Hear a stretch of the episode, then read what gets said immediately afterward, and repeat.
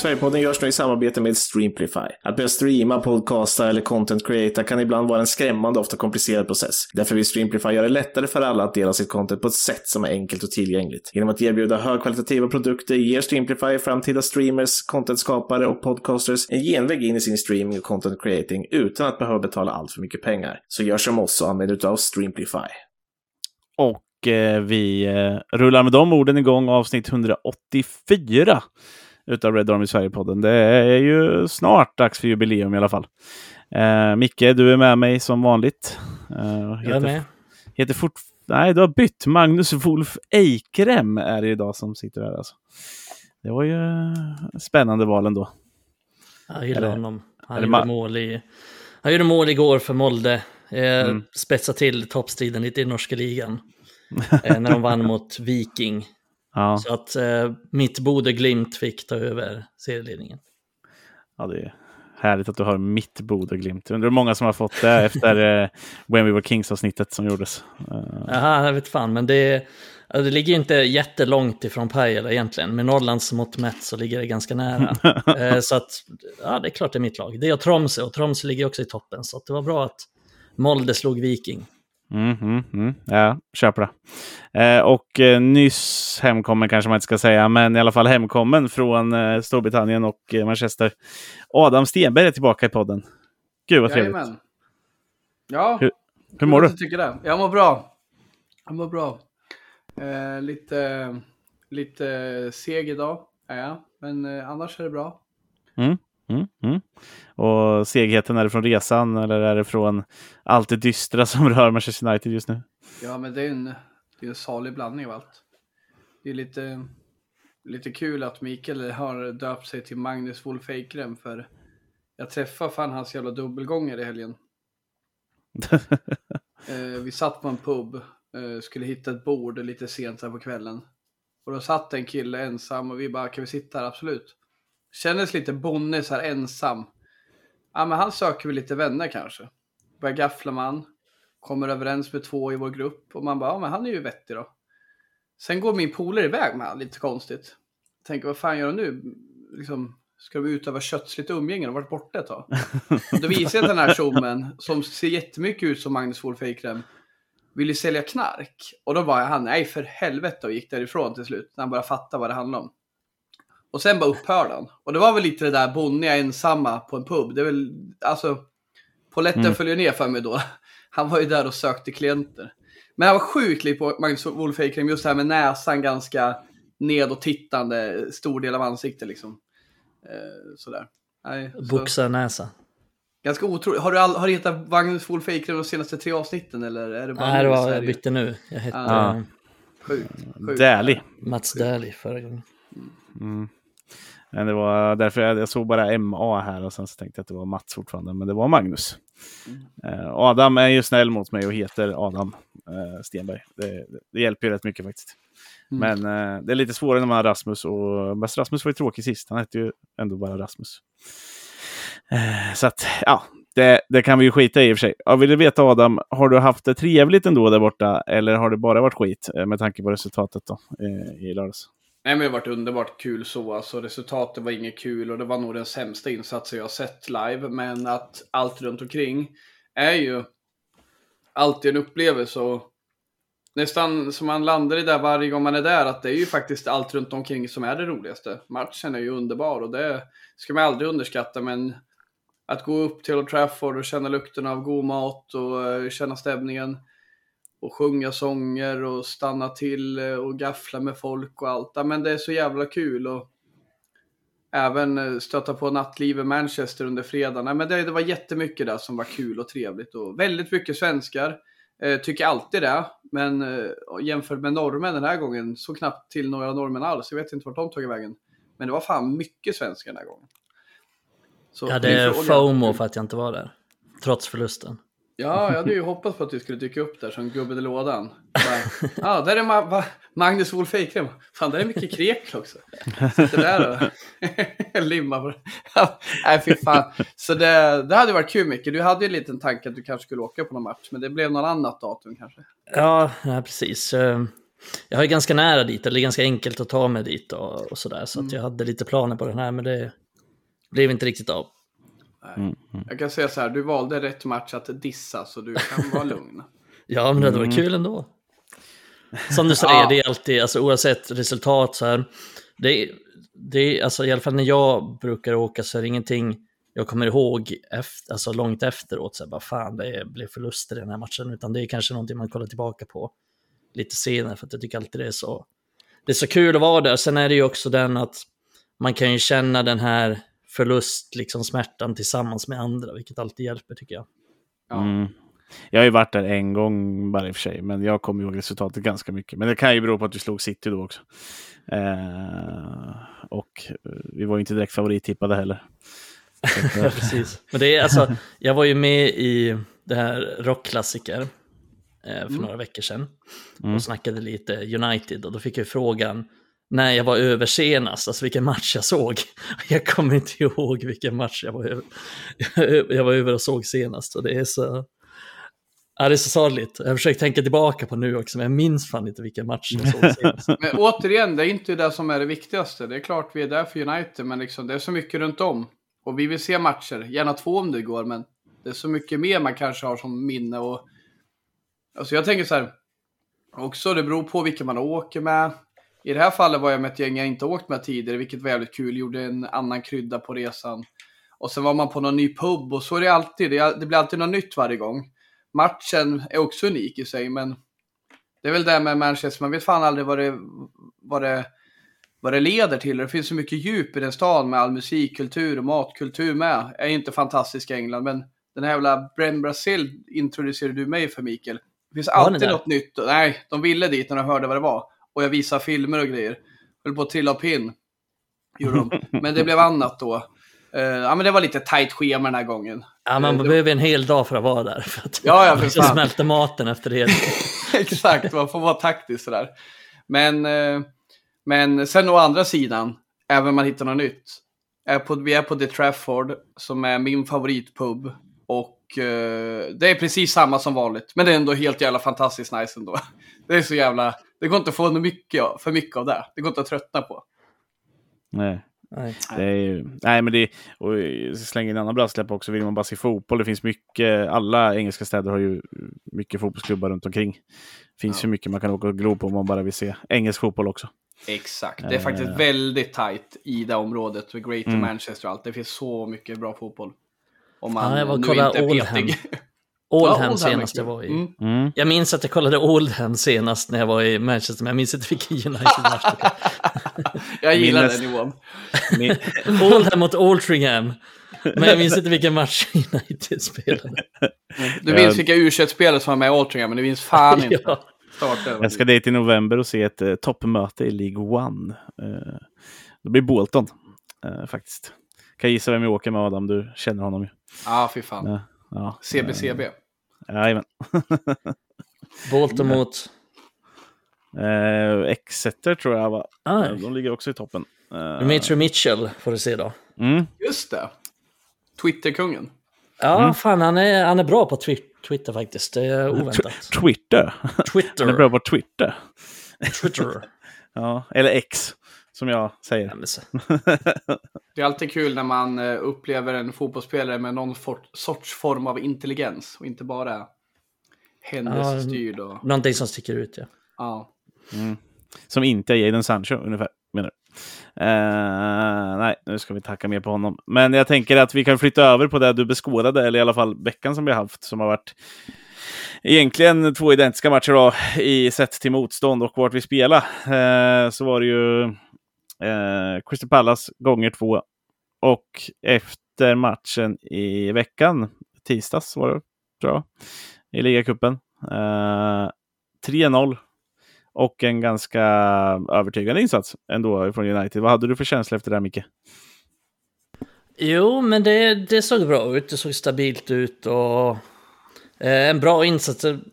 Fundera nog på om det till och med var den bästa insatsen den här säsongen. Sen var ju motståndet kanske inte det bästa. Pelles roterade lite och visade inte så mycket intresse för den matchen. Men, eh, men ändå, man kan, man kan inte göra mer än att vinna övertygande mot det motstånd man möter. Och det tyckte jag United gjorde i den matchen. Och, och var som sagt den bästa insatsen den säsongen tycker jag. Det var mm. alltså väldigt solitt, bra passningsspel, bra tempo, skapade en hel del målchanser stabilt defensivt, tyckte jag var bra över hela banan. Mm. Framförallt det här intensiteten över hela banan tycker jag inte man har sett innan. Ändå liksom så här. Det... Nej, vi hade bra balans. Alltså, det känns mm. som allting, alltså, allting var bra balanserat och alla som spelade var väldigt bollskickliga och väldigt eh, noggranna i allting de gjorde. Det tyckte jag faktiskt. Eh, och det är väl någonting som skiljer, skiljer åt mot de andra matcherna. Mm. Adam, du tänkte väl ändå att eh, nu kan jag få se en pulverisering av Pallas eh, på lördag. Men så blev det ju inte. eh, utan jag tänker att vi behöver inte prata så mycket om ligacupmatchen. Den är ju högst ointressant med tanke på vad som händer på lördagen. Eh, men det, det, finns ju några skillnader i laget. Och två av dem heter ju Marcus Rashford och Bruno Fernandes. Så de har ju fått rätt mycket kritik sista tiden. Framförallt för Rashford. Och jag man bara tittar på min synvinkel på matchen på lördagen så är det ju väldigt mycket slarv. Vi, vi eh, når inte fram med passningar, precis där du pratar om, med tempo i passningar, kvaliteten på passningar, eh, aggressivitet och annat. Det försvinner liksom till lördagen. Och framförallt efter att vi släpper in det där riktiga jävla pissmålet på, på, en, på en fast situation återigen. Uh, vad, vad, har du att säga om det här Adam? Och jag bara fylls med ångest när du pratar. Alltså jag bara försöker... Nej men alltså, jag, jag, landar väl någonstans i det om man ska koppla det till till eh, kontra insatserna som vi har en jättebra insats, håller med Mikael, det är fan bästa för säsongen. Och, och just det här med passningsspel är så bra. Vi har fler passningsskickliga spelare där Bruno är en passningsskicklig spelare i form av att slå långbollar och avgörande bollar. Men de här lätta bollarna som i hans värld inte är så lätta, men som är lätta för typ Amrabat, de är inte han bra på och det blir tydligt med han och Rashford i den här matchen är händelsestyrda, slarviga, hafsiga, men också avgörande och helt fantastiska ibland. Uh, vi, vi, vi, får liksom sämre passningsspelare i, i, eh, med ett bättre lag på pappret. Det är det som är så sjukt. Men vi har ett sämre lag på pappret, med reserver mot Palace i kuppen. Men vi blir passningsskickligare och där käkar upp dem. Och mm. vi blir även mer pressskickliga, där vi inte har Rashford på plan och istället har eh, några hungriga juniorer. Så, eller juniorer, hungriga talanger ska sägas. Nej, men jag landar i det att jag, jag, jag svor om det flera gånger, kanske fyra gånger efter matchen med typ fyra timmars mellanrum. Säkert i sömnen också. att Vi vet fan inte vad vi ska göra med bollen i eh, den här matchen. Däremot så händer det grejer för att vi gör alltid det som passar oss för stunden, för individen att Rashford, han vill springa lite på kanten. Bruno, han vill slå lite chansbollar. Casemiro, han vill chansa lite. Och så går det vidare i hela gänget. Liksom, det finns inga linjer, det finns ingen samsyn kring vad vi ska göra. Så det Nej. händer lite grejer ibland. Det blir lite hot, det blir lite spännande. Men det blir liksom ingen, det blir ingen, det blir inga momentum över tid. Och får vi det så är det fan bara för att vi har svaga motståndare. Jag landade där, där jag såg på matchen och försökte studera att jag såg ingen nytt där jag kunde se i början att vissa försökte löpa lite, var lite hungriga. Men ju mer matchen går, ju mindre hopp har man. Det är inte så att vi blir liksom bättre ju längre matchen går. Tvärtom. Nej, så jag, det... ja, ja. jag landar i det att det jag vill komma till också där. Bruno och Rashford. Det är ju fan två av våra viktigaste spelare, men det är kanske mm. också ett problem. För grejen är att vi behöver deras målskytte, men vi behöver inte deras funktion i spelet. Alltså Bruno, okej okay, om han hade varit helt fantastisk i alla toppmatcher där han borde kunna leverera, där det finns ytor att slå bollar på, men det är han ju inte. Och mot de sämre lagen, då är han också begränsad. Framförallt Rashford är begränsad. De här är viktiga spelare för oss, men liksom är det de som kommer ta oss framåt i framtiden? Jag börjar, jag börjar fan tvivla på allt. Och då börjar jag framförallt gå in på våra nyckelspelare. Om man tittar på alla våra nyckelspelare så är det väl egentligen bara, bara Shaw, Martinez, som känns så jävla fundamentalt rätt på lång sikt. Men de andra, det är ju fan varje säsong liksom upp och ner. Bruno, jag tycker om honom för att han skapar så mycket för oss. Men när det kommer till den funktion Erik Ten Hag vill få in med det här laget, så ser jag liksom inte, återigen, hur fan ska han kunna förbättra det? Mm. Nej, det är, jag kan hålla med om det. Det, det är ganska svårt för att det, du säger det bra där för att egentligen så är ju, alltså om vi tar bara Rashford, Bruno, men vi kan också lägga in Casemiro i det. Egentligen är de våra bästa poängplockare offensivt. De är de som kan skapa saker ur ingenting. Och det är väl förmodligen därför de i mångt och mycket spelar också och förmodligen därför de är så viktiga för det här laget. För att United är ganska dåliga i, i den här matchen speciellt, men överlag så är United mycket, mycket, mycket sämre än övriga topplag i sista tredjedelen. Vi är sämre på att skapa chanser, vi är sämre på att göra mål, vi är sämre på att bibehålla någon slags press i, alltså, i den sista tredjedelen, att bygga upp något slags spel. Vi, vi är dåliga på det. Vi, Alltså anledningen till att vi skapar chanser i den här matchen är ju för att ja, men ibland så studsar det någon boll hit eller dit och ibland så gör Rashford något bra, ibland så gör Bruno något bra eh, och så vidare. och så vidare. Det är sällan att det är någon, någon slags bra uppbyggnad av något spel eh, och där vi kan se några linjer eller där vi ser något jättebra samarbete mellan tre, fyra spelare som, som kan kombinera med varandra, utan det finns nästan inga Eh, jag kollar ju mycket på Malmö FF och då pratar man hela tiden om det här, eller Rydström pratar om relationer. Och det är hela tiden flera spelare som är involverade i speluppbyggnaden, som är involverade i, i anfallen och som har bra samarbete mellan varandra. Och det tycker jag inte United har överhuvudtaget. Vi har inget samarbete, det finns inget samarbete mellan Rashford och Höjlund, det finns inget samarbete mellan Pelistri och Höjlund. Och jag tror, när jag säger det här, att ni kan se det. Ni ser liksom aldrig dem passa till varandra överhuvudtaget. Mm. Och de är ändå våra offensiva spelare som ska göra saker i sista tredjedelen. Men vi har ingenting där med dem. Vi har ingen relation, vi har inget spel emellan dem, utan hur vi skapar chanser är ge bollen till Rashford, hoppas att han hittar på någonting. Ge bollen till Bruno, hoppas att han hittar på någonting. Och när de är dåliga, som de var i den här matchen, ja, men då skapar vi egentligen ingenting och då fungerar ingenting i vårt spel. Eh, sen är ju Rashford notoriskt dålig i den här typen av matcher. Det är, det, alltså det är mycket kritik mot honom nu. Men det är väldigt sällan han är bra hemma mot Crystal Palace. Han är bra när han får ytor, när han får yt, ytor att löpa, när han får ytor att avsluta, när han får... Eh, alltså när han helt enkelt får ytor. Och de ytorna kan komma på olika sätt. De kan komma genom omställning, men det kan också komma genom att de andra i laget skapar ytor för honom. Men det händer ju inte nu. Och Palace är ganska noggranna att just ta bort honom. Alltså de släpper honom hela tiden på utsidan, låter honom aldrig gå in, de är alltid två stycken på honom. Eh, och vi förlitar oss på att det är Rashford som ska göra det. Och när han inte gör det, ja, men då har vi inte riktigt något svar på det.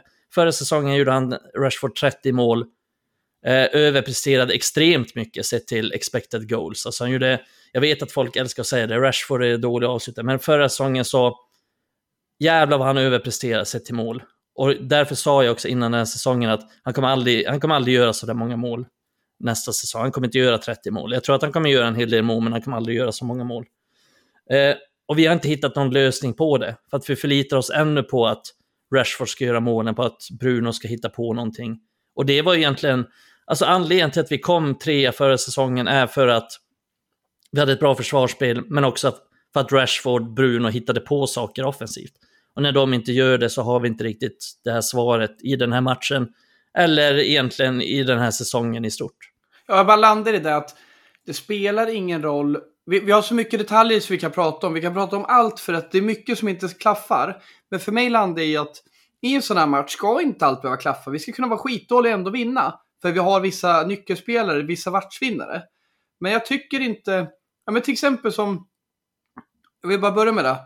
Problemet är ju kanske inte Bruno eller Rashford, för vi har större problem. Vi har till exempel ett mittfält som inte har funkat på länge och vi får hoppas att det börjar funka när vi till exempel får in en vänsterback så vi slipper Amrabat på vänsterbacken. Men jag landar i det att i en sån här match, det ska inte spela roll vilka vi har på mittfältet. Vi ska kunna ha McTominay och Casemiro eller McTominay och Eriksen och kunna vinna mot Palace hemma. Och då tänker jag, varför ska det bli så här nu de senaste fyra åren att vi har sådana här plattmatcher hela tiden? Jag känner så här, Bruno Fernandes är inte fel för United. Han kanske ska vara i vissa matcher på en annan position, kanske ska vara reserv. Han ska finnas i vår klubb länge tycker jag. Men jag landar i 10-positionen. Det är väl fan med kanske det viktigaste vi har för att få igång spelet, vad fan du än är. Sen behöver vi en anfallare som gör mål, absolut. Rashford eller Höjlund. Men jag känner det, Och jag köper typ som Melkers argument som han sa häromdagen i chatten att jag hatar när Bruno Fernandes är till höger för vi tappar så mycket i mitten. Jag kan hålla med om det. Men det betyder inte att felet att Bruno är på fel position, det är att vi inte har en bra tia då, som vi inte får igång. Och jag tror ju till exempel Mount skulle kunna bli den. För jag har ju aldrig sett någon som i spelet funkat så bra som tia. Inte att han är bättre kanske poänggörare än Bruno, det tror jag aldrig han kommer bli, men han kommer vara någonting som passar mer för vårt spel. Jag tror det är där finns en tanke med Erik Men till exempel ha mm. Bruno till höger, då har vi honom som en potentiell poängmaskin som kan slå inlägg och som kan göra mål och komma in som en extra anfallare. Löpa lite fritt, vara lite roaming. Jag, köp, jag skulle gilla det, men som tia, behöver sätta mer prägel. Det kan inte vara liksom upp och ner hela tiden. Återigen, vi ska kunna ha McTominay, fan är mig ensam mot Palace. Så dåligt är det. Men vi vet, vi har vissa spelare som inte kommer upp i nivå alldeles för ofta. Och vi har Erik Tenag som fortfarande inte har satt det här spelet tillräckligt bra. För vi, återigen, det är på sista tredjedelen. Det är vårt största problem sedan länge. Det är inget nytt. I alla dessa, du hade skrivit upp det på Twitter Mikael, är det 18 månader? Vi har inte fått ihop det anfallsspelet än. Och vi har fått ihop många delar. Framförallt ledarskap i den här truppen har han jobbat med och ställt krav. Men vi kan fortfarande inte anfalla. Och liksom, det spelar ingen roll om det är Pelist eller vem fan det är där uppe. Vi vet ju inte och vi synkar inte med varandra. Vi jobbar inte ihop. Nej, och det är lite jag måste som... bara få ut det i huvudet med Bruno, för det är någonting som stör mig så in i helvete. Det är fan en spelare jag tror på. Men jag tror fan inte på honom som tia längre. Jag tror inte det. Och, och en ny tränare kommer in, absolut. Solskär kommer in igen och får, so och får att funka. Kommer det ta sig titlar? Nej. Men Bruno är en poängmaskin, vad fan är inte den tian vi behöver alltså. Jag landar i det. Jag har blivit så jävla trött på det där. Det är fan den viktigaste positionen offensivt. För, för också det, Rashford är inte tillräckligt bra. Men jag tror att en bra tia kan få igång de här spelarna bättre. Men, men alltså, jag, alltså, Bruno Fernandes är ju jävligt bra på det han gör. Han är bra på att göra mål, han är bra på att göra assist, han har bra... Alltså han kan slå otroliga sista bollar och han kan göra otroliga saker. Men jag ser inte att han spelmässigt är viktig på något sätt. Han är inte någon som länkar mellan lagdelar eller som är, eh, som är jättebra under press och kan lugna ner spel eller så här, utan det han gör bra, det är att slå de här avgörande passningarna. Men jag tycker inte att han rent spelmässigt så är vi inte bättre med honom i laget. Utan det vi blir bättre när Bruno Fernandes spelar, det, det är att vi kan få de här avgörande målen och assisten.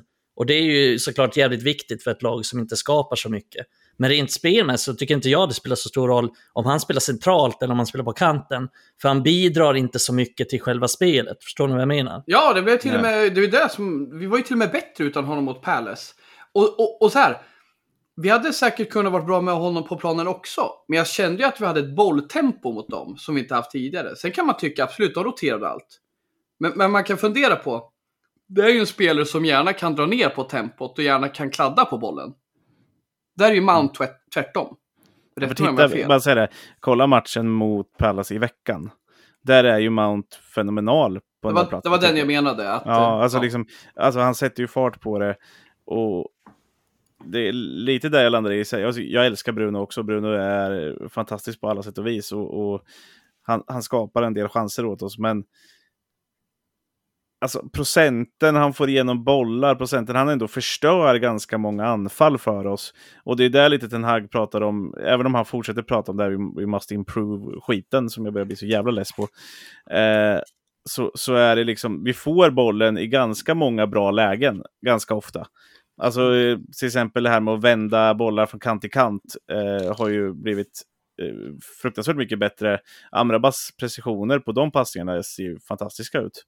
Framförallt ut i Dalot nu som har blivit ganska, ja, ja, det blir ganska tydligt eftersom han är på vänsterkanten då, men därifrån sen när vi sen får in den i någon central position eller får den i någon position där ute, vi, vi, vi, har ju väldigt bra lägen där. Men vi har inget sätt att anfalla därifrån. Det där, jag håller med helt och hållet.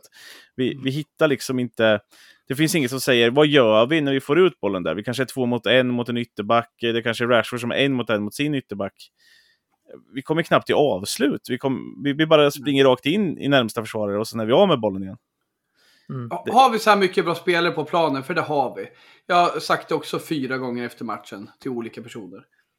Vi kan inte skylla på VBs dåliga touch. Vi kan Nej. inte skylla på uh, Maggan som är kass enligt alla. Vi kan inte skylla på McTominays passningsskuggor.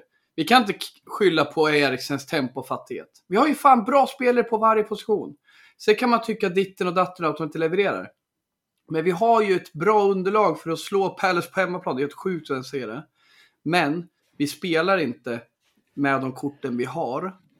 Och vad fan var det jag skulle säga nu om eh, om att, ja men just det att har vi så bra spelare måste vi kunna leverera någonting mer. Och jag, jag bara landar i det. Vi kanske har vissa spelare också som begränsar oss i det här spelet vi vill spela. Och hade Erik Ten Hag fått för sig liksom imorgon att gubbar, skit i det jag sa. Vi kör discofotboll igen och backar hem och kör lite. Då kommer alla bara njuta. Det kräver mindre av dem. Det kommer liksom vara färre ytor att löpa på och det kommer kunna kontras ännu mer. Jag tror det blir, det blir, fan för, det blir för komplext med den här truppen. Och Erik Ten Hag, liksom, han tror för mycket på, på de här spelarna. Han har gjort hela tiden. Jag säger inte att det är spelaren är fel på. Men, men jag liksom inser också vad Erik Ten Hag försöker göra. Jo, han försöker nu vrida upp leveranserna säsongen med en ny målvakt och ett gäng discospelare. Och ska spela en mer offensivt viktad fotboll. Han försöker till och med trixa in, och det landar också vi ska sluta spela Mount och Casemiro på mitten. Jag får fan panik med den tanken. Spela hellre med Mount som vänsterback och kör Amrabat på mitten. Förstår ni min poäng? Mm. Han måste men, släppa det där. Men jag tycker allt grundar sig i någonstans att vi har så jävla många problem i truppen som är skapade av att vi har rekryterat så jävla dåligt. Och jag tycker mm. till exempel att Casemiro är ett av många problem nu.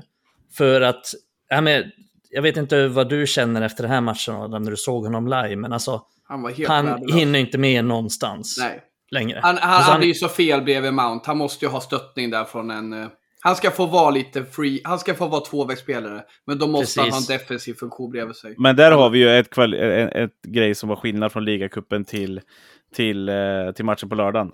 I Amrabat spelar ju vänsterback i båda matcherna. I ligacupen så blir han väldigt central, för där har han också Garnacho som faktiskt hjälper till väldigt mycket hemåt. Jag ser att Rashford försöker mer, men i den här matchen så kan inte Amrabat kliva in lika mycket i banan, framförallt inte i försvarsspelet, för att Rashford inte har det där i sig det blir en alldeles för tom kant ifall inte Amrabat stannar där ute. Och där ser man då också att han inte är lika bekväm med att hamna mot en ytter i, i en djup vänsterbacksposition. För han, det är han som drar på sig den frisparken, han blir bortgjord ett par gånger. Men mm, han är centralt så, så, så, hjälper han ju Casemiro, framförallt i ligacupmatchen, och vinner hur mycket bollar som helst där inne. Jävligt ja, bra poäng Jonas. Och det gjorde ju att Amrabat verkligen fick eh, sväva ut ja. i cupmatchen. Och nu blev han lite mer begränsad. Bra poäng. Ja, exakt. Men jag tycker att de har, alltså när jag ser den matchen så är Pallas liksom, alltså de har märkt det, de har noterat det och gjort någonting åt det. Ja. Mm. Att jag tycker att de sätter lite högre press och de tar bort Amrabat lite, sätter lite mer press på honom, sätter mer press på Casemiro. Eh, och samma där med Rashford-situationen, att de låter honom inte gå på insidan någon gång. Inte en enda gång låter de honom gå in på skott, utan de släpper honom bara att gå längs kanten och så får han slå något inlägg med vänsterfoten. Men de tar bort de här sakerna och till exempel målet vi släpper in, jag kollade igenom det. Eh, vi har ju någon period där vi just innan frisparken så ger Casemiro bort bollen typ två, tre gånger bara. Genom att han inte är beredd att han får press på sig. Mm. Kommer du ihåg det Adam? Är det var förpackad för att... Jajamän, nej men jag känner igen det. Men Nej, men alltså, jag ska bara säga står, att det är så många som slår bort bollarna att det blev asmycket frustration på flera, ja, men han var en ja, av dem. Det var, var ja, men det var säkert fyra, fem spelare som gjorde, slog fel passningar. Jag tror att eh, det börjar med att Bruno ska slå till Höjlund och Höjlund slår en för kort passning tillbaka till Bruno, så blir det en 50-50 situation och så tappar vi bollen igen. Mm. Alltså, inte för att peka ut någon sådär, men säkert fyra, fem stycken spelare med i de här situationerna där vi bara ger bort bollen och till slut tar Amrabat en helt onödig frispark. Och det är det enda Pallas har under matchen och så gör de mål på den på ett, ja, det är ett jävla lottoskott. Men de behöver inte mer, de gör 1-0 och när Pallas gör 1-0 så är de ganska svårslagna ändå, det får man ändå säga. De är väldigt organiserade och de är bra på det de gör mm. när de väl har den här typen av ledningar. De har, de har bra försvarsspelare. Eh, så det är ju, alltså det är också någonting i den här matchen att vi har den typen av spelare som hela tiden ger bort bollar i onödan under press. Och jag ser inte att de andra topplagen har den typen av spelare som håller på att ge bort bollar hela tiden och som... Alltså, he, alltså ah, jag blir så frustrerad. Men hela matchen är ju att vi någon slags har panik, och håller på och jagar och jagar och jagar och försöker slå avgörande bollar och alla spelar för sig själva. Det, det finns inte riktigt något lagspel och jag vet att Adam Crafton som eh, skrev mycket det här med, med Greenwood-situationen och därför The Athletic. Han har någon sån här tweet han hela tiden svarar på. Och då skrev han för några år sedan typ att ja, men det ser ut som att Manchester United-spelarna aldrig har tränat ihop. Och så drar han upp den tweeten efter typ ja. varannan match.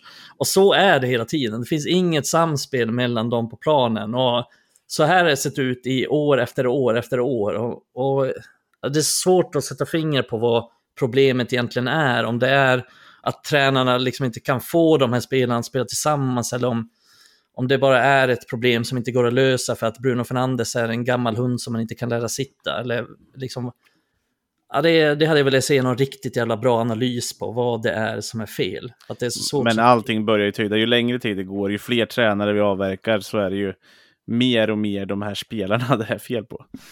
Någonstans. Det måste det Nej, men alltså det är inte fel på dem, det är bara att de är fel för Nej, det sättet alltså... de vill spela på. De är fel för det aspekt... Alltså, Erik Ten Hag har ju byggt sitt lag runt ett gäng spelare som faktiskt inte passar hans filosofi särskilt väl. Nu kanske det är så att han har reviderat den. Vi har ju haft våra misstankar och nämnt det i podden den här säsongen. Vill han vara ett kontringslag eller vill han vara ett spelförande lag? Han säger inför matchen att han gärna vill ha possession. För han, han vill inte att det skulle vara så illa som mot Burnley. Nej. Men att... Eh, jag, jag, tycker inte det är inte fel på spelarna, men det är fel på de resurserna Erik Ten Hag, alltså som jag tror han vill ha det. Hans nyckelspelare nämnde Mikael förut när vi ska se till hur det gäller att göra mål och assist. Casemiro, Fernandes, Rashford. Det är ett gäng discospelare. Och för de som inte förstår vad jag menar då, men det är händelsestyrda gubbar som vill ha skoj och inte tänka så mycket. De vill bara ösa på. Och sen om de slarvar, ja för fan, det är inte hela världen. Vi får snart tillbaka bollen. Nej, men, men det funkar inte i det här laget. Vi kommer aldrig, vi kommer aldrig liksom, vi kommer aldrig kliva vidare om inte, och det har jag trott i min enfald, att Erik Ten ska coacha de här till att bli bättre, mer metodiska spelare. Men det, det landar i, det kommer han inte få. Så så här är det. Om jag får gissa. Antingen börjar Erik Ten tänka om helt och, får, och, och spela efter lagets eh, funktioner, eh, förtjänster då kommer det bli bra igen. Men fortsätter han tralla med det här, då kommer spelarna ge upp honom. Som de har gjort upp tidigare och sen kommer det bli kicken. Aldrig mm. att han får de här att börja lira den fotboll han vill. Och varför är det ett problem? Jo, för han har så jävla många viktiga spelare för laget. Alltså det är ju så, han kan ju inte, du har ju sagt det tidigare Micke, han kan ju inte bara ta bort Rashford och Bruno, det är ju hans poängspelare. Han kan ja, det är det som är problemet också. Mm. Han kan inte ta bort. Och det, är också tillbaka till transferfönstret. Absolut har vi, vi har fan inte, det var helt sjukt att vi inte satsade mer på en central mittfältare. Men, men samtidigt kan det vara så också att Ten Hag bara, ah, men fan, Mount, det kan ju gå i en perfekt värld med Casemiro. Mm. Det är så jävla, men det, är så här, det kan ju inte vara så att han ville ha det så. Han har ju såklart velat haft allt han pekar på. Han har ju inte velat byta sin strategi kring Mount och Casemiro, de är helt sallad gubben. Ja, det, det kanske han är då. Oh, nej, men jag, jag inser det. Att eh, det här kommer bli tufft. Och vi har ett lag som kan eh, dansa disco och kan vinna kupper. Men jag tror fan inte det här laget. Och det blir så hemskt, för jag vill inte dissa Bruno eller Rashford, men jag bara landar i... Ska vi spela enligt den, enligt den filosofin Erik Ten Hag vill, då kan vi inte ha dem som våra frontmans. Nej, alltså Rashford det... kommer alltid vara halvdan då. Han kommer vara skitbra ibland och skitdålig ibland. Beroende på vilken tid på säsongen det är och vilken typ av motstånd det är. Och problemet är att Rashford, om han ska spela ett kortare passningsspel där man liksom sickar sig fram, då behöver ju han en spelare som Anthony Martial i superform. Som han var under en stund i, i, i eh, under Ole där till exempel. Där de eh, väggar sig fram till nästan varenda jävla mål. Eh, mm. Nu har han Rasmus Höjlund som jag ja, alltså han var inte jättebra mot Crystal Palace och, och Men han löper fan rätt hela tiden. Han finns där hela tiden. Men han får väldigt sällan bollen. Rashford är väldigt dålig på att spela in de där bollarna ja. lite lätt också. Det tar så lång tid. Han ska trampa på bollen för han ska först kolla i 10 sekunder om han kan ta sig in. Och då är redan läget borta för resterande spelare. Och sen slår han någon boll snett bakåt som alltid går på en mittfältare. Och det där är Bruno lika dålig på. Han slår också ofta bort bollarna där. Och då blir vi kontrade på istället, för då är vi på väg framåt med många spelare eller är uppe med många spelare och så spelar vi bak bollen och tappar den. Eh, och det där är ett jävla... Ja, det där kan jag bli så irriterad på. Jag ser det så ofta på eh, framförallt vänsterkanten. Och tyvärr tycker jag inte heller, jag har inte nämnt honom så mycket, men ett problem i den här matchen är ju att Pelistri, som många tjatat om att de vill se, han är så totalt intetsägande. Det händer ingenting.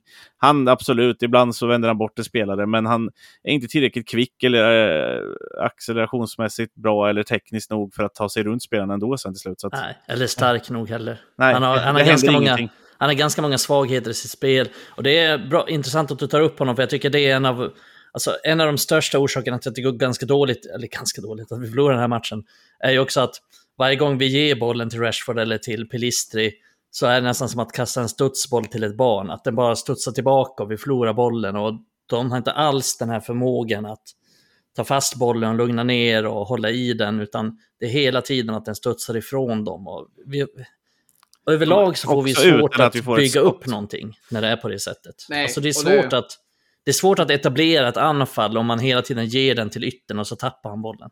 Nej, men det håller inte. Det är en för uh, viktig position för att vi ska hålla på och fortsätta chansa. Jag landar det där. Jag vill ha Mount som tia och uh, ge han chansen i den rollen fullt ut. Och sen uh, som att Bruno är en viktig poängspelare och en bra spelare så har vi honom till höger, för där saknar vi kompetens idag. Jag håller sen, med. Jag tror att det var största det, det var största chans den här säsongen tror jag. Att spela Casemiro och Amrabat. Ja, precis. Eh, de bakom Mount. Mount, Tia, Bruno på kanten. Jag vill gärna då, få in eh, Kobe Mainon, han är frisk Ja, men då kan vi rotera in honom och rotera in, äh, rotera in Mashbury när vi behöver det. Kanske, mm. kanske att jag sticker ut nu, kanske att jag överskattar Mainos förmåga redan den här säsongen, men det var lite intressant att se Main och Amrabat och sen Mount framför och sen... Mm. Uh, ja, det skulle vara kul att se, men jag tror att Casemiro behöver verkligen någon som hjälper till honom där, för att för mig är det ganska tydligt att han, han, han kunde klara av den här rollen till och med förra året. Jag kollade statistik på vunna dueller för Casemiro. Han vann 81 procent förra säsongen. 81 procent av duellerna, jävligt bra snitt. I år mm. har han vunnit 28 procent av sina dueller. Är det så, så det är en sinnessjuk försämring. Eh, jag tycker det är tydligt att han inte hinner med när han är ensam där. Så att får han lite stöttning så kanske det kommer se bättre ut för honom. Det är, men, det, men det är det jag var inne på också, att det är hela tiden något skit i truppen. Det är hela tiden någonting vi måste lösa. Det, är, alltså det kan aldrig bara vara lugnt och bra att alla presterar, utan det är hela tiden någonting. Och nu känner jag att ja, men nu är Casemiro lite på sista versen och Varann börjar ha mycket skadeproblem. Och vi har skador mm. överlag och sen, ja men nu spelar alla högeryttrar borta. Och nu alla spelar med Martinez med bruten fot så att han ja, är borta.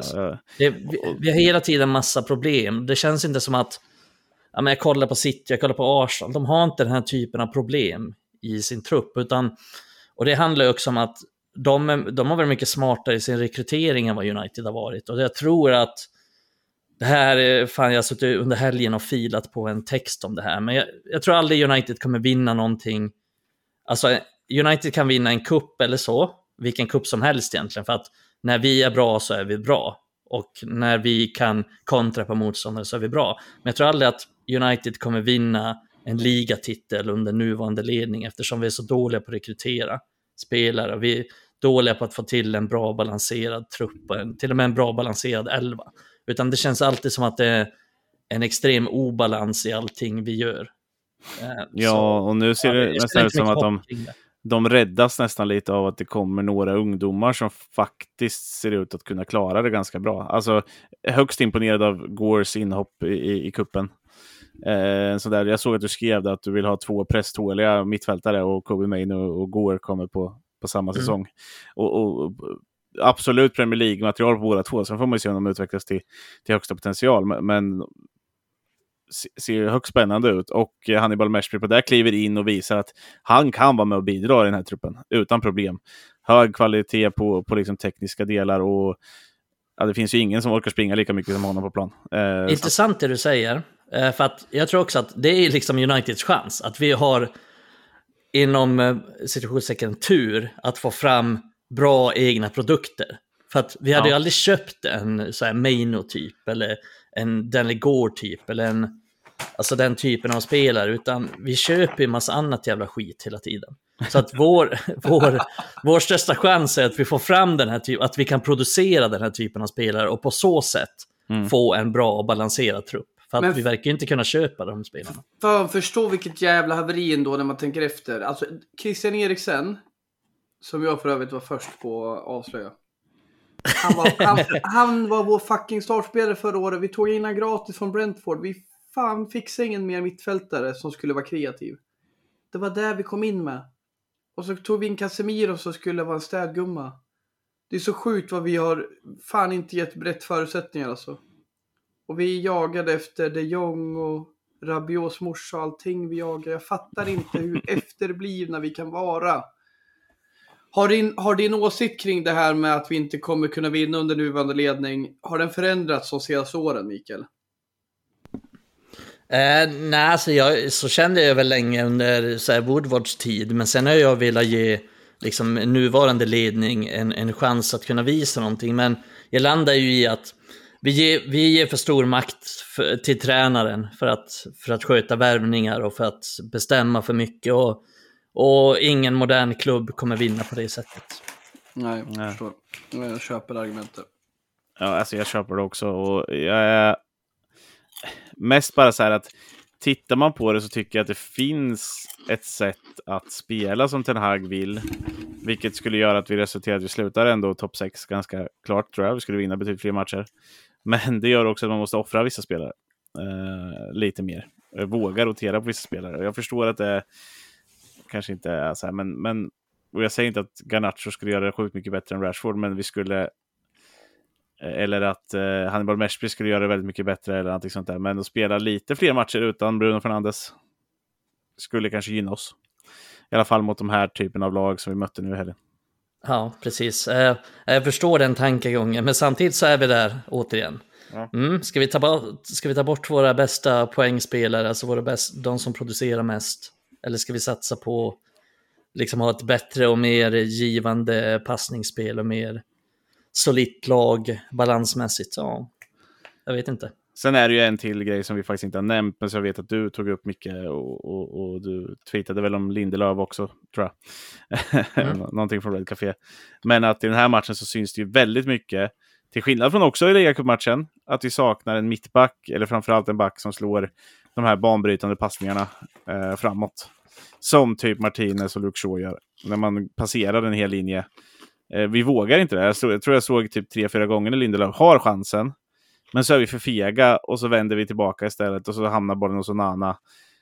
Eh, och sen så eh, blev det ingenting mer med det. Eh, där vi kan slå upp den på en Mount som visar sig, eller en Bruno som visar sig, eller en Höjlund som är nere och möter. Eh, men vi gör det inte. Eh, det tyckte jag faktiskt. Och eh, Harry Maguire ska ha cred för sin match i ligacupen. Han är väldigt bra i den matchen, är väldigt säker i passningsspelet. Kändes ganska lugn under press, också för den delen, när han vek över bollen mot Aloa som att han aldrig, aldrig har gjort någonting annat. Jag har inte sett honom så här bra någonsin i, i passningsspelet faktiskt. Och jag börjar bli Nej. trött, som du, på att Lindelöf bara backar och är feg. Och Varann är inte den backen som ska slå de här passningarna. Nej, han är där för att lugna allt det andra. Nej, precis. Och jag tror inte det hade spelat så stor roll i just den här matchen, för jag tycker inte att det är det stora problemet i den här matchen. Men jag förstår din poäng överlag. Jag tror vi hade fått eh, fler chanser genom att göra det. Ja, kanske. Men, det, det, alltså, men jag håller med i, grund, i grundpoängen, för att det är uppenbart att det blir alldeles för mycket sidled. Lindelöfs passningskarta efter matchen var inte trevlig. Liksom, det var bara sidled, sidled, sidled. Och Varann har ju lite samma problem. Men jag tycker, ja, jag tycker väl kanske inte att det var orsaken att vi förlorade, men jag håller med om att eh, Maguire var faktiskt bra det var länge sedan jag såg honom så bra. Eh, och framförallt så vågar han slå de passningarna i alla fall. Han vågar mm. slå mellan linjerna och sen kan man ju... Jag sa det någon gång att Maguire kan vara en fyra eller en åtta, alltså betygmässigt efter matchen. Mm. Och det, man vet aldrig riktigt heller vad man får. Lindelöf är alltid en femma eller sexa. Mm. Det är väldigt sällan han är mer än det, utan han tar inga risker. Han slår bollen i sidled och ja, för mig är inte det en eh, United mittback. Nej, och sen är det han som, Andersen är hans spelare på inlägget. Han blir ju för fan bortknuffad som en jävla svamp. Ja, men Andersen är ju en bättre mittback än vad Lindelöf är. Ja, ja, det tycker jag med. Men Mateta mobbar honom ju nere på kanten där också. Och det, visst, det är en enstaka situation, men det är ju så talande för hur han inte passar in. Tyvärr. Och det är ju det vi har sett tidigare också. Och han kan göra helt okej okay matcher. Han passar bättre internationellt i CL och de här grejerna tycker jag oftast. Eh, ja. Men i Premier League blir han ganska ofta mobbad. Nu är vi inne på det här med rekrytering igen och det är ja. fucking prio att två mittbackar i sommar. Nej, och då prio är att skeppa de här jävla palsternackarna som sitter och ska styra våra transfers. Ja, men alltså tänk dig sommaren, då är det två mittbackar ska in. Ja, vi har mm. värvat två yttrar för typ två och miljarder. Och vilka väljer Erik den Hag då? Vi ska en till en ny högerytter in. In med en ny innermittfältare, måste ersätta Casemiro. In med en uh, anfallare som är backup till Höjlund. Ja, det, det, är hela tiden tio positioner vi behöver förstärka på. Det, det här ändras aldrig liksom. Och för att sätta samma. lite krydda på ditt resonemang för de som inte förstod det liksom. Erik Ten ska ha den här mittbacken och de bara, ah, men de här? Nej men jag ska ha den här. Jaha, ja det blir jävligt dyrt. Ja, det får bli det. Okej, nu har du inget kvar här. Som med Anthony. det bli han. Liksom, mm. den här intressanta fransmannen här då. Med en överläpp på liksom eh, två landskamper. Ja, nej men jag vill ha den här. Alltså, det blir ju så jävla händelsestyrt. Det blir det Med Anthony så blev det tydligt. Mm. Det blir eh, fan mig eh, allt möjligt. Nu var ju Onana liksom, det är ju en rätt värvning. Men det är ju för att vi tycker han verkar intressant. Det är ju inte för att Erik Ten Hag, eh, alltså förstår ni vad jag menar? Han vill ju ha honom och det råkar ju vara en världsklassmålvakt. Anthony, det var ju en chansning och det blir ju så fel liksom. En på tok för och, och, Nej, fy fan jag orkar inte. Men, men att, eh, vill bara fylla i där tycker jag att Lindelöf gör inte en sämre match än Varann egentligen. Eh, Varann är också tvärkass i passspelet, men som ni var inne på förut, vi förväntar oss ju en fantastisk passningsspel av honom. Han vänder hem ännu fler gånger än Lindelöf. Men Lindelöf har ju den passningsfoten. Men han använder den inte, han nyttjar den inte. Då är det också Nej, så här, varför ska jag göra något som kan bränna mig? Nej, men jag safear lite istället. Mm. Mr Safe Guy. Och Varann, han tycker ju blir ännu värre. Men han å andra sidan kan ju rädda oss gång på gång på gång i matcher. För han är helt fantastisk försvarare. Och ser man inte minst när man ser honom live. Ja, han har inte heller förmågan att slå de här passningarna och därför nej, nej. gör han inte det. Och vi är ju glada för det, men vi är ju glad, inte glada över att Lindelöf inte gör det, för han kan ju slå passningar. Han, exakt, han kan slå de passningarna. Det är det som är så frustrerande med honom. Och i det här fallet så är ju Lindelöf en ersättare till Martinez. Och då är ju det hans uppgift ja, att hans göra roll, ja. Och jag eh. håller med dig Jonas, jag tror också vi hade kunnat... Vi hade kunnat ställt om lite snabbare och ställt lite mer frågor till Palace om vi hade testat den här bollen. Men där är vi mm. safe guys, hela bunten. Nej, men ibland, vi, vi slog upp den några gånger på Casemiro som vände upp och slog den där bollen helt åt helvete. Eh, och, mm. och, då blir jag ännu mer arg, för att han är inte så bra på det heller. alltså vi, då, då, hade man velat haft Amrabat som slog den bollen kanske istället. Eh, där inne. Eh, och det kan man ju bli hur sur på om man vill, men ja. ja men det, det, är också ett strukturellt problem där, att Casemiro är liksom vår enda defensiva mittfältare och han vill vara någon eh, slags Hollywood-spelare som slår avgörande passningar från defensivt mittfält. Mm. Det är helt sjukt. Ja, vi har ju ingen annan på mittfältet som ska gå ner och göra det. Bruno ska inte vara där nere. Mount vill jag inte egentligen ha ner så där djupt heller, för jag tycker att han är mycket bättre. Han är bra på det där att avgöra vart han ska vara, vart han ska visa sig uppe på offensiv plan. Vilket gör att, som ni säger precis, att han är bättre som tia. Mount däremot, precis, han är däremot en bra länkspelare till skillnad från de andra. Så att han kan komma emellan linjerna och hämta boll och länka mellan de olika lagdelarna. tycker jag nästan ingen annan mittfältare kan. Nej. Som vi har på planen mm. regelbundet. Ja, eh, vi får väl avrunda Pallas där i alla fall då. Eh, och eh, gå vidare till... Ja, tack. går vi vidare till en ny vecka. Eh, nu är det ju eh, Galatasaray imorgon tisdag. Vi spelar in måndag kväll. Eh, och Brentford på Old Trafford i eh, helgen. Vet jag inte exakt vilken dag faktiskt. Men det är väl säkert lördag igen. Eh, någon som har koll? Nej, men Nej. Eh, nu slog det mig att Brentford såg jag förra säsongen. Det var en av matcherna jag såg när jag var När man släpper Europa League, då, då Jag såg. United live. Ja, var det där det var? Brentford och Everton? Ja. Eller? Brentford. Va? Var det inte Everton också? Jo, Everton rad. Brentford. Ja, lördag 16 spelar vi. Så det är Ja, men det blir mer lördagsmatcher nu när vi spelar Ja. Champions League. När det var Europa League, då var det alltid söndag. torsdag, söndag. Ja, Men det är jävla många 16-0 också. Vi Ja. är ner, nedprioriterade här. Mm. Ja, eh, men vi har ju Champions League först. Alltså hur... Första frågan ut här. Hur, hur roterar vi runt i det här nu då? Hur, alltså vad, vilken prioriterar vi? Alltså det känns som att båda matcherna är precis lika viktiga. Det ju, går ju egentligen inte att prioritera någon av dem neråt. För vi har Galatasaray hemma i Champions League. En match vi måste vinna för att gå vidare, känns det som. Eh, och Brentford, ja, vi har inte råd att förlora en match till i ligan, typ. Ja, vi måste vinna båda, känns som. Ja, Ja. Det, det, det är lika, exakt lika viktigt och det känns som att varenda match nu som kommer kommer vara lika viktig fram till vi möter City. Men jag känner väl det som liksom Rashford, eftersom att han inte riktigt förtjänar... Eller så här. Jag, jag tycker Garnacho kan förtjäna att få starta mot Galatasaray, så gör det så. Låt han spela. Mm. Och eh, få in Amrabat centralt så snart det går, så att vi kan börja få lite stadga och lite, lite finess centralt. Mm.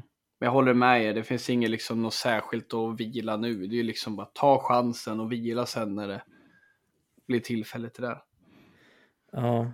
Tyvärr så har vi ingen vänsterback. Nej, Nej, men... är- eh, Vi lånar ju in en skadedrabbad kille som nu är skadad. Så att, eh, Ja, det är helt otroligt att vi har tre vänsterbackar, alla skadade.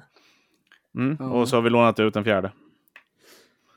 Ja, precis. Återigen, återigen dina rekryteringsfantaster. Men kan inte Martinez vara till vänsterback då? ja, precis. Så också vår, vårt fjärde alternativ där. Ja, men Kan du, inte Antoni spela vänsterback? Ja men uh, Lisandro Martinez då? Han har ju spelat skadad förut. Ja, precis. Det är bara in med honom. Kan det bli värre tänker jag? han kliver ut från operationsbordet direkt bara. Han hade ju sagt ja. ja. Ja, han är ju Men- fan ordning på. Eh, Nej, men- men jag känner väl att jag tror att det är viktigt att vi prioriterar centralt på mittfältet. Även om jag tror att vi kommer att ha jävligt mycket boll mot Galatasaray ändå. Eh, så tycker jag att vi behöver göra om i backlinjen och då hade jag väl satt kanske Lindelöf som högerback och sen slänga in Maguire som mittback med varann. Eh, och sätta Mm. Lå som vänsterback. Och sen få in Amrabat och Casemiro centralt. Och in med Mount som 10 och in med Bruno på kanten där och få till den här stadgan centralt och att vi ser till att vi verkligen dominerar den här matchen centralt, att vi vinner bollar där och att vi inte ger bort massa skit. Eh, så det är väl någonting jag hade gjort och jag hoppas att Ten Hag gör det, men jag är inte säker. Jag tror att det blir, han kommer nog spela Amrabat som vänsterback igen och sen ha kanske Lindelöf och varann och sen eh, Onödig position Dalot att safea på vänsterbacken och ha honom. ja. Det är ju Ja, alltså, om vi ändå ska vara skit på vänster- hur, Mikael? Om vi ändå ska vara skit på vänsterbacken kan vi väl ha vem som helst där. Istället för Amrabat som kan vara viktig centralt. Ja, när han ändå sitter och säger på eh, presskonferensen efter ligacupen där att han, han är ju framförallt inne mittfältare. Eh, eh, och man bara, ja. Men, men, och jag tänker sen när vi ändå har Rashford till vänster, vilket han troligtvis kommer spela, säkert båda matcherna från start. Eh, Safear med en vänsterback då som är defensiv. Eh, typ Lindelöf. Varför inte? Då, Ja. då har du ju täckning där bakom i alla fall. Någon som inte kommer gå allt för högt upp. Sen absolut så, så mår ju Rashford ganska bra av en överlappande vänsterback. De har ju sett när Region och Shaw har kommit uh, räkandes ibland. Ja, Men- det kan man ju också eh, analysera, så här, Rashfords Mm. situation. Till hans försvar så har han ju inte haft någon riktig vänsterback bakom sig på sistone. Så Nej. det kan ju vara någonting som hämmar honom också. När jag för en säsong sedan, lite drygt, sa att vi skulle sälja Shaw, trodde jag ju inte att vi skulle sitta här och tänka Fy fan, Shaw skada fuckade hela jävla vår säsong, för det är det han har gjort. På Mm. grund av att vi inte har en vänsterback har det ställt till i hela jävla lagbygget så vi får ruska om och ruska om och ruska om lite till. Men sen saknar vi också vår viktigaste uppspelspunkt. Vår skickligaste passivspelare. Det är fan helt sinnessjukt när man tänker efter. Vi sitter och pratar om vem som ska bli vänsterback för det liksom stör till hela vår jävla verksamhet. Jag är helt Mm. med, jag kan köra Lindelöf, jag skiter i vem det är. Men vi kan liksom inte ha, ha Amrabat där för att han är en bra passningsspelare. Vi måste kunna få in honom centralt. Det är fan viktigare än någonting annat. För just nu är alla alternativ centralt, förutom kanske Hannibal då, är liksom för dåliga. Ja, och Mount måste upp lite högre för att vara bra. Ja, mm. ja, ja. Och, och Casemiro är inte för dålig, men vi har insett att ska han funka då måste han ha bra hjälp bredvid sig. Mm. Um, och är det inte en, en defensiv pjäs som typ eh, Amrabat då, så är det ju någon som är som Hannibal som springer ungefär lika mycket som Fred gjorde. Då funkar det i mm. vissa matcher. Alltså det, ja. det är ju lite så.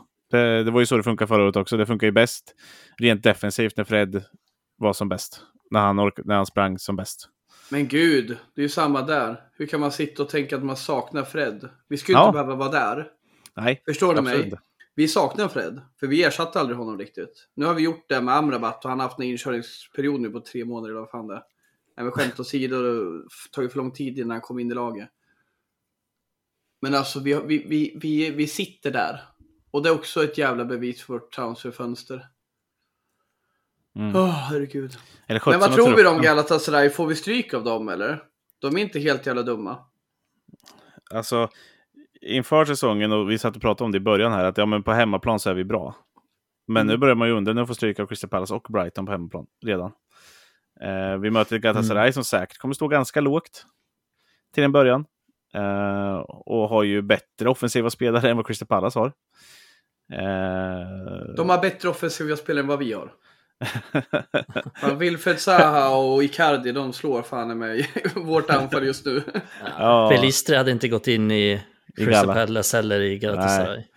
Eh, och det är samma sak i matchen på, eh, mot Brentford. Det är samma sak där. Vi möter ett lag som kommer stå lågt och kontra, för de vet att det funkar på oss. Eh, och de är jävligt bra på kontra. Eh, jag vet inte exakt, jag har, inte, jag har sett alldeles för lite galla för att säga att de är bra på kontra, men, men, men de har ju en del kvalitet i laget. Så är det i alla fall. Jag var på en mm. fest med en Galatasaray-supporter som min syrra jobbar med. Han bara, vad fan tänker ni när ni köper den här målvakten för Fenerbahce? Ni vet han inte ni kan uttala vid namn. vi kallar honom Lord Voldemort. Det är för att jag inte vet vad han heter. Lord Voldemort kallar vi honom.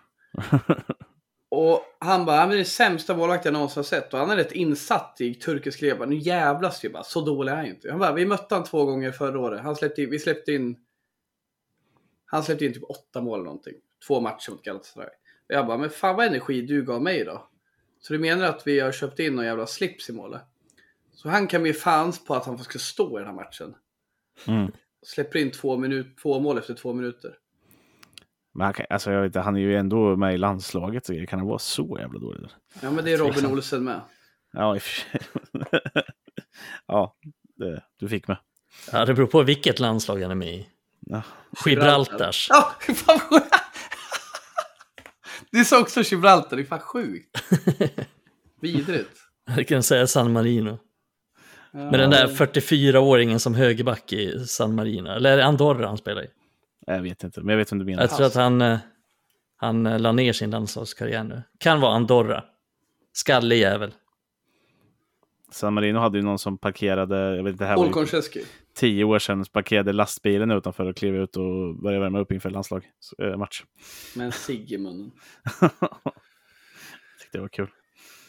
Uh, ja, nej, jag vet inte, men alltså, jag vet, jag, jag, så, just, just nu känner jag inget hopp. Liksom. Nej, jag, jag vet heller inte riktigt vad jag ska förvänta mig, för att det känns som att det finns ju någon slags kvalitet i det här laget. Vi kan ju spela bra som vi gjorde i kuppen mot Pallas, men det kan också bli som i ligamatchen mot Pallas. Jag vet inte riktigt vad jag ska förvänta mig. Jag, Nej, inget, jag tror att United vinner säkert mot Galatasaray, men jag har inget hopp om att United ska spela bra. Och jag vill att United ska spela bra. Jag förväntar mig att United ska göra det, men... Mm. Det... Men alltså, så här, så här, vi måste ju börja sätta Höjlund i målchanser. Alltså också, det, det, det är lite de här grejerna. Vi, han får ju väldigt lite att jobba med där inne. Ja. Vi lyckas ju för fan sätta, och då, då har vi en Höjlund som rör sig fan så mycket bättre än Weghorst. Weghorst lyckas vi skapa ganska mycket målchanser till. Han kan ju lätt gjort tio mål förra våren om han bara hade gjort mål på sina superlägen. Nu var ju han en värdelös avslutare och, och dålig på mycket annat extremt dålig i luften med tanke på hur lång han är. Men, men Höjlund är ju där, han är runt boxen, han rör sig, han visar sig. Vi måste ju börja sätta honom i spel också. Det gör vi inte just nu. Inte alls faktiskt. Eh, och det, det, gör mig lite förbannad. Vi har haft några bra inlägg. Dalot har slagit några bra inlägg som han har varit nära att stöta in. Och vi måste fortsätta med sånt, liksom. komma runt, hitta in. När vi har en sån forward som verkligen vill göra mål. Uh, ja, nej, det är, det är nyckel för att få igång det här. Han, liksom, han måste ju kunna få fler chanser att jobba med. Och han har haft några som han inte har riktigt förvaltat. Och vi nej, behöver ha tålamod. Men jag vill ändå se mer i omsättning där. Och det var lite det jag var inne på.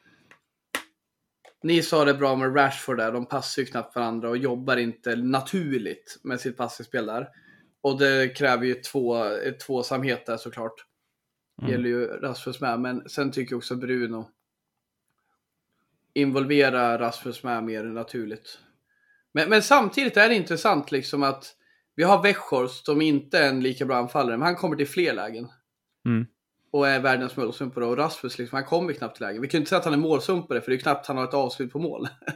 Nej. Eh...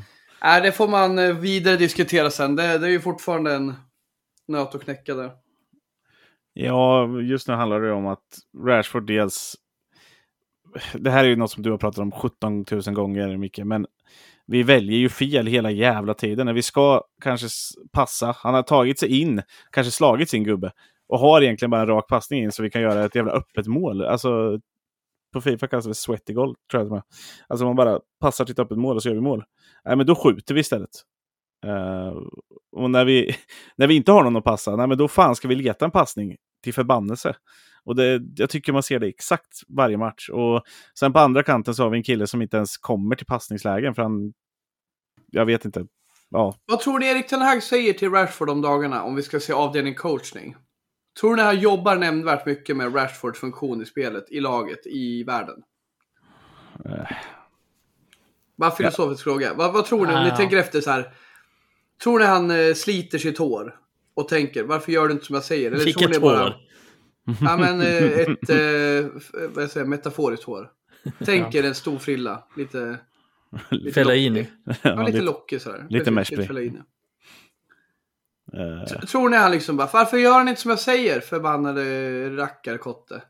Eller tror ni bara att, ja men det, det löser sig Rashford, gör som jag alltid sagt, gör din grej. Ja, det tror jag faktiskt. Vad tror du Jonas? Alltså, jag är lite inne på att förra året så man pratade mycket om Benny McCarthy och, och hans eh, mm. intåg och att han hjälpte honom. Och jag tror man jobbade mycket med att han skulle våga ta så mycket av sig själv, att han var en viktig punkt. Att Placebo. Han, eh, ja, alltså, men överlag liksom så. att eh, och, Men då spelade han mycket central striker också faktiskt en, eh, under den perioden. Eh, till exempel mot Barcelona, eh, där han var jävligt bra.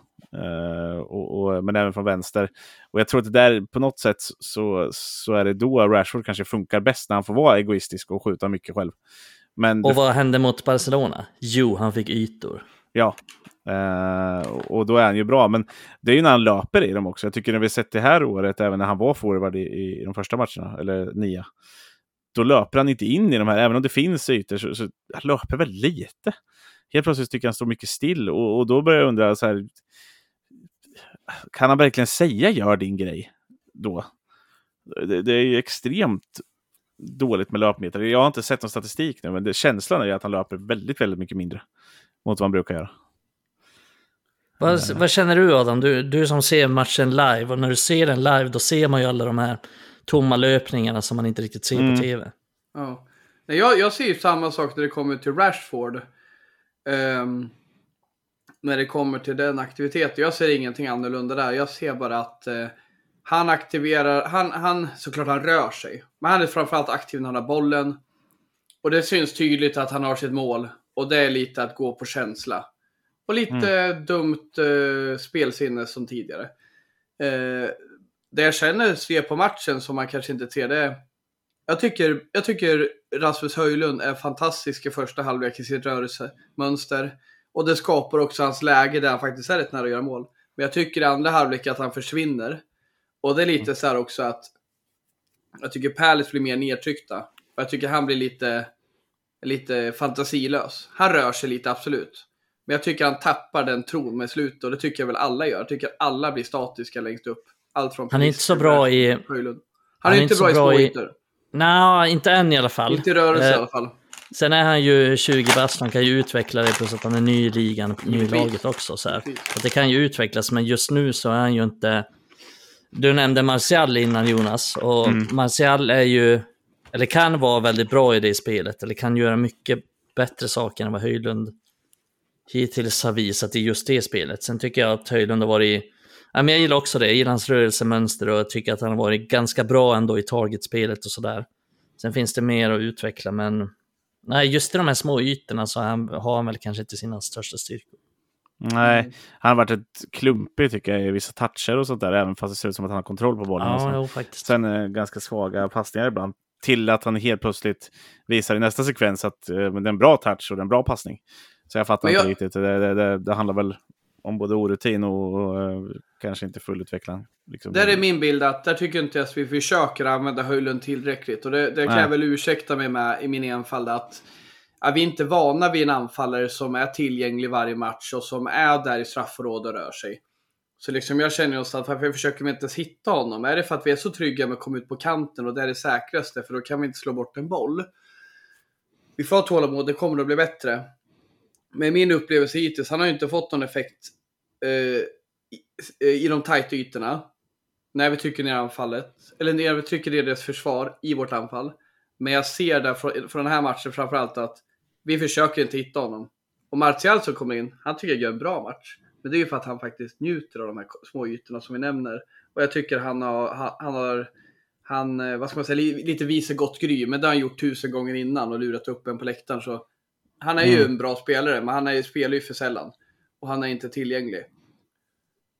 Och han gör, tillbaka han gjorde... till Rasmus, där jag vill att vi involverar honom mer och där ser jag ett stort ansvar med Bruno. Bruno kommer inte bara kunna slå inlägg på honom på chans och han ska göra mål. Jag tror Bruno kan få igång honom i djupet, men vi kommer inte få så jävla mycket djupchanser mot Palace, tvärtom. Vi kommer få typ noll sådana. Mm. Det, men det handlar ju om att man kan spela på en möta och få tillbaka boll. Alltså lite som man använder Weghorst också.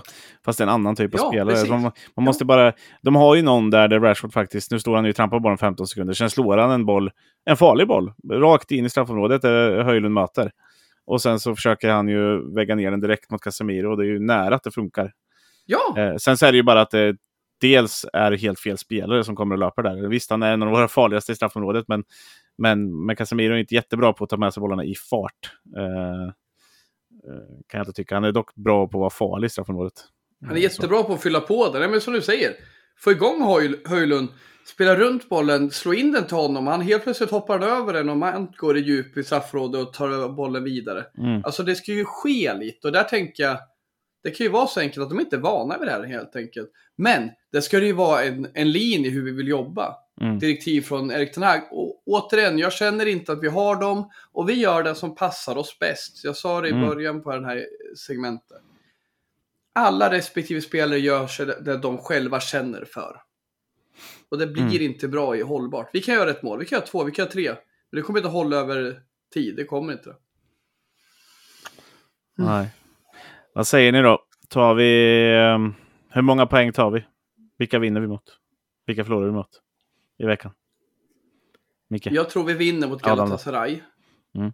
Och jag tror vi kryssar mot Brentford. Mm. Jag har ingen jävla aning faktiskt. Jag har, jag har typ känsla också. Vet vi... du om du kommer se matchen live, Mikael? se matchen live? Ja. Nej, jag vet att jag inte kommer vara på Old Trafford i alla fall. Okej. Okay. Ja. Det är jag ganska säker på. Jag kommer, det vara, kommer det vara nytt om vi förlorar med 2-0 mot Brentford? Nej, det kommer jag inte vara. jag kommer börja grunda redan under matchen, så ifall att vinner vi så slutar jag dricka. Förlust. Ja, men 16.00 jävla kisstiden tänker efter. Det är ju fan, det blir ingen familjefrid. Nej. Som sitter packad i soffan vid klockan 18.30 när United förlorar med 2-0 och den där förbannade Thomas Frank står där med sitt ratface och bara hånler. Vi förtjänade det här. Pekar på håret till Erik Den Haag. Mm, precis. Och så står han och sjunger Vi röde, vi vire liksom. Ja. Nej men, eh, jag är inne på ditt Du ska ju få se vad du tycker Jonas. Hur många ja, poäng tar vi? Alltså jag är inne på ditt spår Adam. Det, det, är ju, jag tror att det kan bli lite liknande den här veckan. vi, vi gör en hyfsad match i, mot Galatasaray. Eh, kommer säkert ställa upp med ett någorlunda lite mer roterat lag. Eh, men inte lika mycket som mot Pallas nu i ligacupen. Och sen gör vi det bra och sen så kommer vi inte klara av att hantera Mbuemo och Wissa på topp i Brentford eh, i helgen och så blir det väl förlust eller lika. Jag tror inte det kommer vara liksom vårt stora problem mot Brentford. I så fall är jag mer orolig för att vi inte gör något mål överhuvudtaget. Nej, men det är det jag menar. De gör rätt. Vi kanske inte gör något. Ja, kanske. Det kanske de gör. Men tror, jag tror att vi får liksom rikta in oss på att på att producera något framåt. Det är där nyckeln måste kunna finnas. Men mm. jag är inte säker på att United gör det. Jag tror att Brentford är ett sånt lag som också är... Alltså de är taktiskt ganska smarta och taktiskt ganska duktiga och drillade och är bra nog för att kunna stänga ner United. Så jag hoppas att vi har någon lösning till den matchen, men jag är inte säker på att vi har det. Det var det jag hade hoppats på till den här matchen mot Crystal Palace och därför jag blev så besviken på den också. För att nu har jag ändå någon slags förväntning på att United har fått tillbaka många spelare, framförallt offensivt. Vi har inte så många avbräck överhuvudtaget offensivt. Mm. Eh, och så får vi den här matchen. Det är jag extremt besviken på. För som sagt, 18 månader har Ten Hag varit här. Förutom att vi har tre högeryttrar borta. Ja, jo, men, men ändå. Alltså vi har, vi har kan ställa upp ett väldigt starkt lag. Jag, mm, vet ja. inte om någon kan säga att åh, vi saknar Anthony. Det är inte så att Anthony har producerat så mycket poäng. Eller att vi saknar Sancho. Det är inte så att Sancho har producerat jättemycket. Även om jag tror att båda de skulle vara nyttiga just den här matchen. För att båda de är, är ganska bra på att lösa upp knutar mot lågtstående försvar. Men som sagt, det är inte så att någon av dem har producerat så mycket. Så jag är besviken på att han inte har satt ett bättre spel efter så här lång tid i klubben. Mm. Ja, Ja, och det är väl någonstans där vi kanske får uh, avrunda det här avsnittet. Det, alltså det känns otroligt jävla svårt att spekulera kring Manchester United just nu. Det känns jävla tomt på något sätt. Eh, Faktiskt. Det, det är precis som du säger, man, den här matchen mot Pallas, man, man såg fram emot den ganska mycket för man har fått tillbaka lite spelare. Visst, vi tappar någon också, men otroligt dåligt och det gör det svårt att säga ens hur det kommer att se ut nästa vecka. Vi får egentligen återuppta den frågan när vi summerar eh, hur veckan har sett ut. Eh, det var kul att ha tillbaka dig Adam. Eh, Tack. Skönt att ha dig tillbaka på svensk mark. Eh, och eh, frisk också för den delen. Ja. Du har varit lite, lite sjukling. Eh, så att, eh, det är trevligt. Och det är alltid lika trevligt att ha Pajala-pojken med sig också. Uh, Som uh, Björn Rosenström sjöng. Ja, precis. Pajala-pojken. Som alltid velat bli jojk. Har du blivit jojk än då? Nej, det har jag inte. Nej, då så. får jag väl bli om... Eh, det är för det jag får satsa på istället för att ja. se United. Och prata om United och skriva om United. Bara lägga ner allt och bli Ja, men vad ska krävas för att du börjar jojka istället för att följa United? Alltså, vad ska, ska krävas? Att, att du ger mig några miljoner. Att vi åker ner. några miljoner? Och några olagliga substanser. ja, jag kan prata med Magnus Wolf Eikrem. prata med Eikrem. jag bara, jag bara, Fredrik vill inte ha knark, men jag har en annan kompis här. Jag hör av mig. Det är så sjukt, för min... Det var... var så sjukt. Han, min svåger Fredrik då, när han, när han eh, insåg att shit, det här är en jävla drugger. Då, då hade han ju redan gett sin Instagram till honom som hade börjat fullt varandra. Nej, för fan. Vad fan jo. gick han iväg med honom överhuvudtaget? Ja, Jävla suspekt bara det. Nej men så han verkar ju skitschysst och sen bara, ja, men vadå, han häng med. Det är, ändå, det är ändå sjukt att gå iväg med någon random. Så här, ja, man är på en pub och så bara går man iväg med en random. Vi var ute och tog några bärs och ville ut och dansa lite. Okay, vi är godtrogna okay. bönder. Säger du det så? Vi är från Björkviksskogarna. Nej men, eh, ja. fan, han, men han är en bra gubbe så det är inte så att han bara drar dit på chans. Men att eh, det är lite jobbigt där. Shit, vänta nu. Ska jag blocka? Jag tror han hade blockat den här killen på Instagram. bara skicka PM bara. Want dope? Got weed? Where did you go? Mm. Som... Slash Magnus. Mm. Mm. ja, men Magnus Eikrem vore gött att ha in här faktiskt på offensiv, som tia. Ja, här i podden tror du skulle säga. Ja, ska... ja, det är också. Det hade fan varit kul. Lite, lite norskt tolk. Jag ska höra av mig till honom. Gör det. Eh, får vi se när han dyker upp eller någon annan rolig person dyker upp i podden. Men hörni grabbar, eh, tack för idag. Eh, trevligt att ha er här. Eh, glöm tack, inte tack. bort att ni, alla där ute ska följa oss på Twitter, Instagram, eh, Facebook eh, och, och, lite allt möjligt. Vill ni prata direkt med oss i podden så har vi ju RAS-podden på X eller Twitter. Mm. Eh, Kom ihåg att följa mitt ex. Exakt. och glöm inte att lyssna på avsnittet Följ mitt ex. Eller mitt ex eller vad det nu heter. Det var, det var roligt i alla fall. Eh, så hörs vi väl nästa vecka. Bye bye.